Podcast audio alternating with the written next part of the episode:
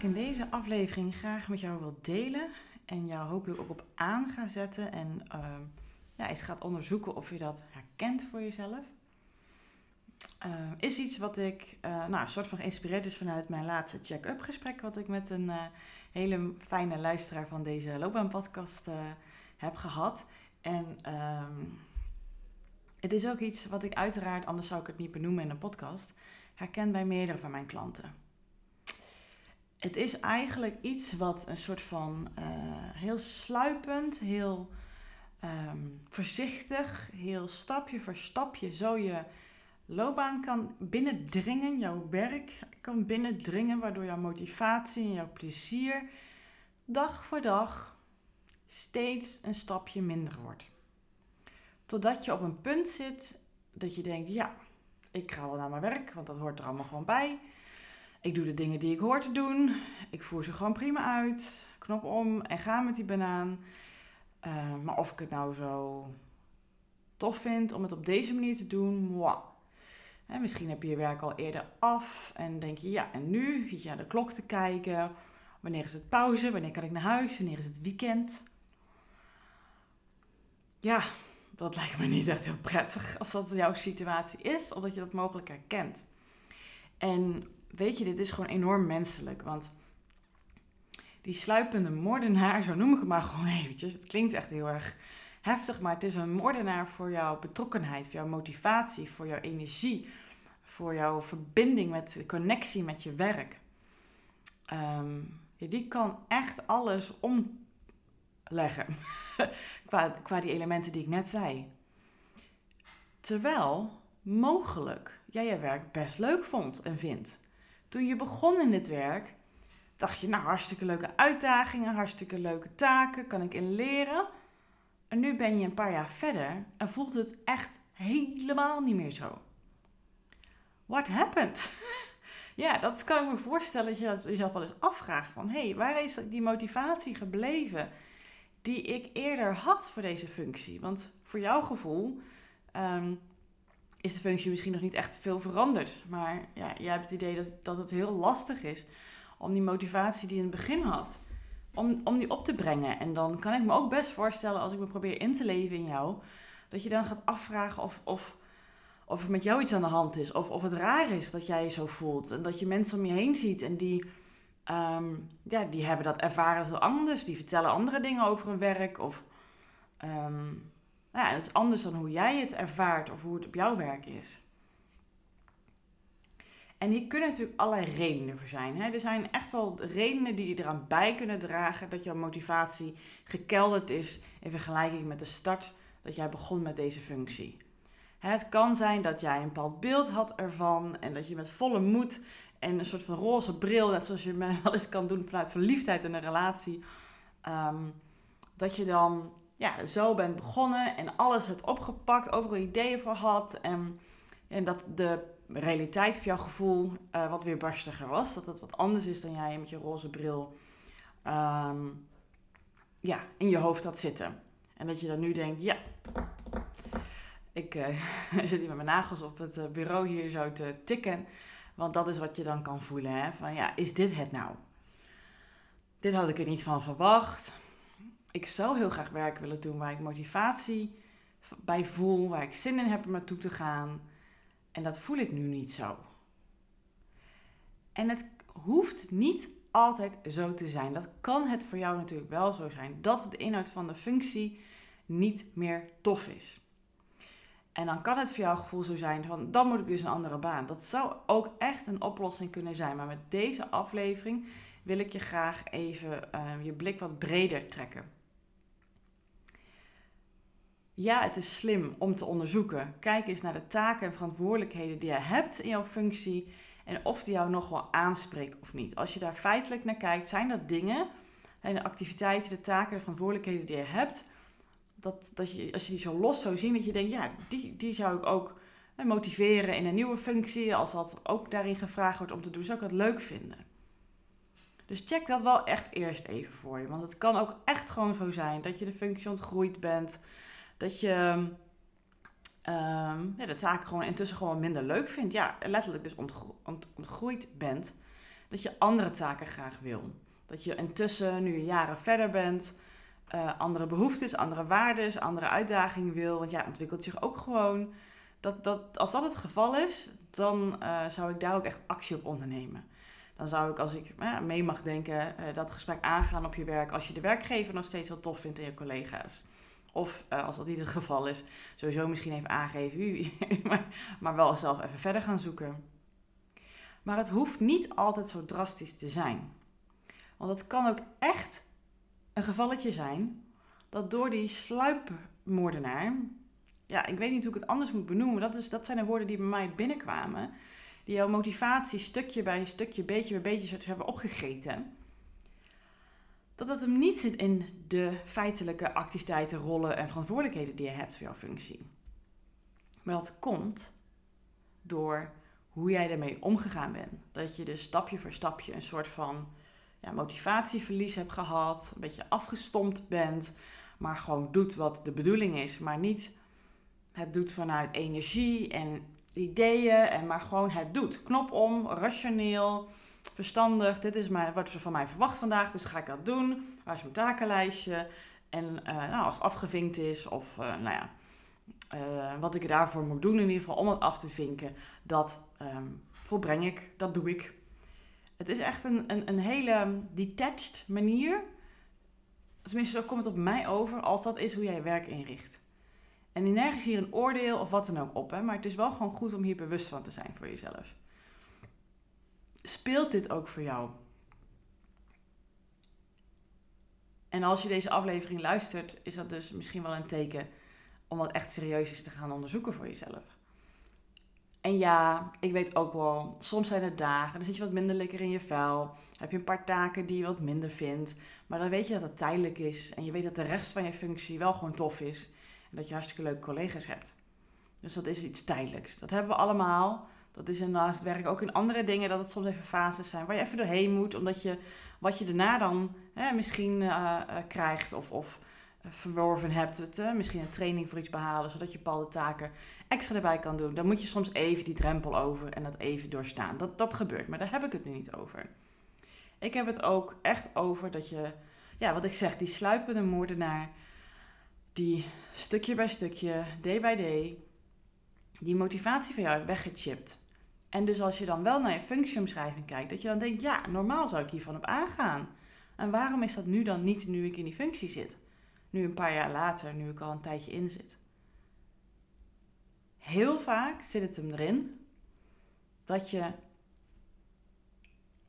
ja, dus disengaged bent. Dat je echt op automatische piloot je taken gewoon aan um, pakt.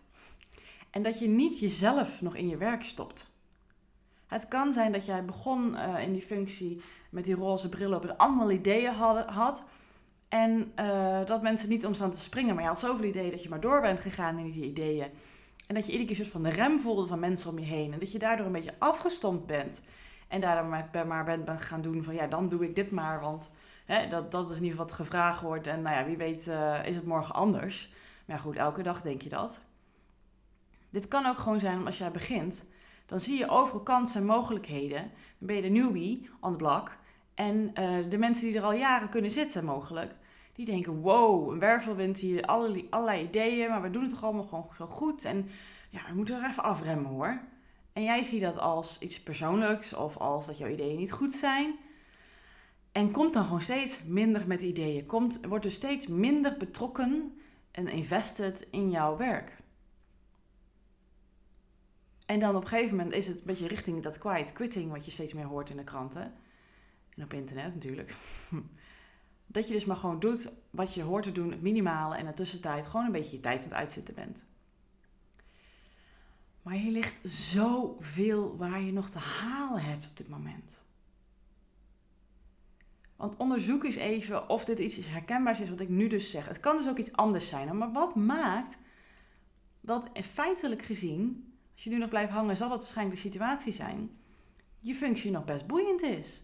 Alleen dat jij gewoon niet meer zo betrokken bent bij jouw functie. Dat jij niet meer hè, de, de, de dingen waar jullie tegenaan lopen, dat het meer voelt als blokkades in plaats van als, op, als, kansen. Waar je in het begin, toen je startte, dat je dat ook echt zo zag. als kansen, dat je ideeën had en voorstellen. En dat dat nu gewoon veel minder is. En dat is echt een signaal dat je een beetje boord bent in je werk. Als je met minder ideeën en voorstellen komt en, en ehm, dan voorheen. Dan ben je een beetje aan het settelen. En dan ben je een beetje aan het, uh, ja, dus dat lichtelijk dat quiet quitting. En dat is eigenlijk niet hoe je het ideaal zou willen hebben, toch? Het is niet hoe je het idealiter zou willen. Dat lijkt mij in ieder geval echt niet. Ja, natuurlijk werk je voor de centjes, voor, voor, voor je salaris, voor daar leuke dingen mee te doen. Maar ja, je werkt meestal de meeste dagen van de week. En als dat niet iets is wat je ook voldoening geeft, ja, dat is natuurlijk zonde. En hoe krijg je voldoening van je werk? Door jezelf erin te investen. Door er betrokken bij te zijn. Door, door met ideeën te komen. Door echt part of the team te zijn. Door dat je gevoel hebt dat wat jij. Het zijn altijd een paar elementen waardoor jij voldoening kan halen uit je werk.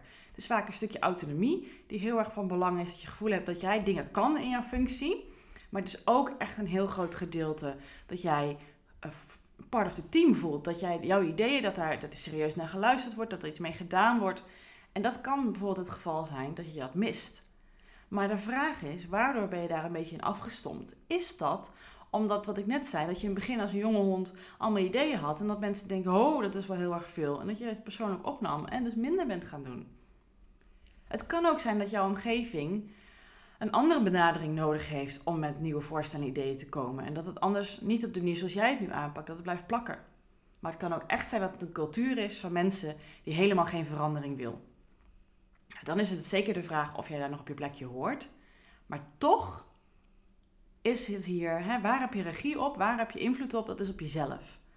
Toch is het goed om eens te onderzoeken, als jij toch op deze plek waar jij nu zit, toch nog graag weer die motivatie wil hebben, dan gaat het om hoe invested ben jij nog in je werk? Hoe betrokken ben jij nog in je werk? En dan is het best interessant om daar eens een gesprek over te hebben met je collega's of je leidinggevende, dat je deze trend bij jezelf merkt. En dat is niet om aan te geven. Hè? heel vaak denken mensen dat geef ik maar niet aan, want dan vinden ze mij niet een goede werknemer. Juist dit doen is een teken dat jij het serieus bedoelt en dat je heel graag een goede werknemer wil zijn. Juist kwetsbaar zijn daarover en zeggen: joh, ik merk dat hoe ik in het begin was, dat ik heel veel ideeën had en voorstellen. En dat ik dat nu gewoon, ja, mag ook doen wat de bedoeling is. Maar ik merk gewoon minder motivatie bij mezelf. En dat vind ik jammer. Dat wil ik eigenlijk niet graag. En ik denk dat jullie dit ook niet willen, want ze krijgen niet het beste van mij, toch? Zo hebben we geen win-win. Natuurlijk willen jullie ook salaris aan mij geven voor het werk wat ik nu doe, maar dat is het minimale wat ik kan doen. Dat is wat jullie van me vragen. En daarna, ja, ben ik een beetje eh, qua motivatie opgebrand. Ja, die komt niet echt. En ik zou het toch hier graag willen, want in feite is dit wel een functie die mij boeit. Dus hoe kunnen we het voor ons beiden een win-win situatie maken? Als jij bijvoorbeeld iemand bent die zegt: Ja, ik heb niet het gevoel dat mijn ideeën en mijn. Ja, dat, dat, die, dat er iets mee gedaan wordt. Want ik kan me heel goed voorstellen dat als je daar iedere keer mee komt en ze schieten het iedere keer weer neer, of ze parkeren het op de lange baan, of ze zeggen ja, maar doen nee, dat dat absoluut je motivatie naar beneden gooit. Maar daar ben je wel zelf bij. En als je nu merkt dat de oogschellen een beetje van je uh, ogen afvallen, dan is het eerst voor jou om te onderzoeken waardoor is die motivatieverlies gekomen. En het is echt vaak, wat ik echt al zei, het sluipend dit hè. Het is niet opeens van de ene op de andere dag veranderd. Nee. En als je merkt dat je daar zelf invloed op kan hebben, als je graag wil blijven waar je nu zit, dan is het echt van belang dat je daar open over bent en eens gaat kijken naar die win-win. Want dat maakt je juist een goede werknemer. En dan maak je juist ook iemand die zichzelf serieus neemt en de regie wil pakken en de koe bij de hoorns wil vatten en hier iets aan wil gaan doen. Maar hierin door blijven sukkelen, is dat wat je wil? I don't know. Ik zou het wel weten hoor. Ik zou het wel weten. En degene die ik van de week gesproken heb voor de check-up, was een super tof gesprek ik zeg altijd, zo'n check-up gesprek in zo'n ruim half uur, wat ik dan altijd neem voor je aan de telefoon. Ik luister gewoon heel goed en ik kijk waar zitten voor mij de haakjes, waar zitten de, de, de elementen waar je nog invloed op kan hebben. Wat valt mij op als je je verhaal doet? Ehm, wat doet het met mij? Wat borrelt er in mij op? En ehm, soms kunnen het gewoon echt hele praktische tips zijn die ik mee kan geven, die ik wel zie en jij, omdat je er zo diep in zit natuurlijk, want het is jouw leven, niet nog ziet. En soms spelen er ook bepaalde overtuigingen over jezelf mee. En dan is inderdaad coaching handig. Altijd jouw beslissing of je dat zou willen. Maar vaak ga je dan van de andere kant ernaar kijken. Dat gebeurde ook bij deze laatste check-up. En zij zei ook dit, nou, ik, ik, ik, maak hem even wat breder nu in deze, zodat het voor meerdere mensen natuurlijk interessant is. Maar dit is wat zij ook benoemde. Ik merk gewoon motivatieverlies, terwijl ik mijn functie eigenlijk wel gewoon heel leuk vind. Ja, en dan is het, ja, waar heb je wel invloed op? Dat is echt jezelf. En um, wat kan jij eraan doen? Ga niet doorkabbelen. Ga niet erover blijven zeuren. Ga niet ehm, ja, jezelf vasthouden in deze situatie en ervan balen, maar er niks aan doen. Neem jezelf weer in serieus. Pak regie erop. Doe het spannende en je gaat zien wat het je gaat brengen. Maar in ieder geval iets anders dan wat je tot nu toe gekregen hebt. Die lack of motivation, die sluipende motivatiekiller. Ja. dit wilde ik heel graag even met jou delen. Mocht jij nu denken, ja Judith, ik herken hier wat in, of ik zit juist met iets heel anders voor mijn loopbaan en ik zou het heel graag even tegen jou aanhouden, ja, wees dan welkom. Je kan ook net zoals eh, de vorige luisteraar heeft gedaan, die ik nu vermeld, uh, gewoon gratis en vrijblijvend een check-up gesprek aanvragen naar uh, www.keuzeflow.nl slash checkup. Gewoon achter elkaar. De link staat ook in de beschrijving van deze aflevering. En dan denk ik enorm graag met jou mee. Want als voor mij het maar een half uurtje kost uh, en, en dat ik al jou wat meer op weg kan brengen, um, ja, dat is toch ook een win-win. En dat geeft mij, zoals je nu ook merkt, ook inspiratie voor een nieuwe podcastaflevering. Uh, dus ik zie het probleem hier niet hoor. Dus mocht je die behoefte voelen of mocht je al langer luisteren en toch met een paar vragen zitten en het nog niet aangevraagd hebben, het is altijd jouw keuze, maar hier de uitnodiging om dat te doen. Want ik hoor enorm graag van jou. En het inspireert mij ook om van jou te horen eh, wat er bij jou speelt. En uh, ja, dat is voor mij de win-win. Daarom heb ik dit ook bedacht. Dus wees welkom en anders gewoon lekker tot de volgende aflevering. Dag!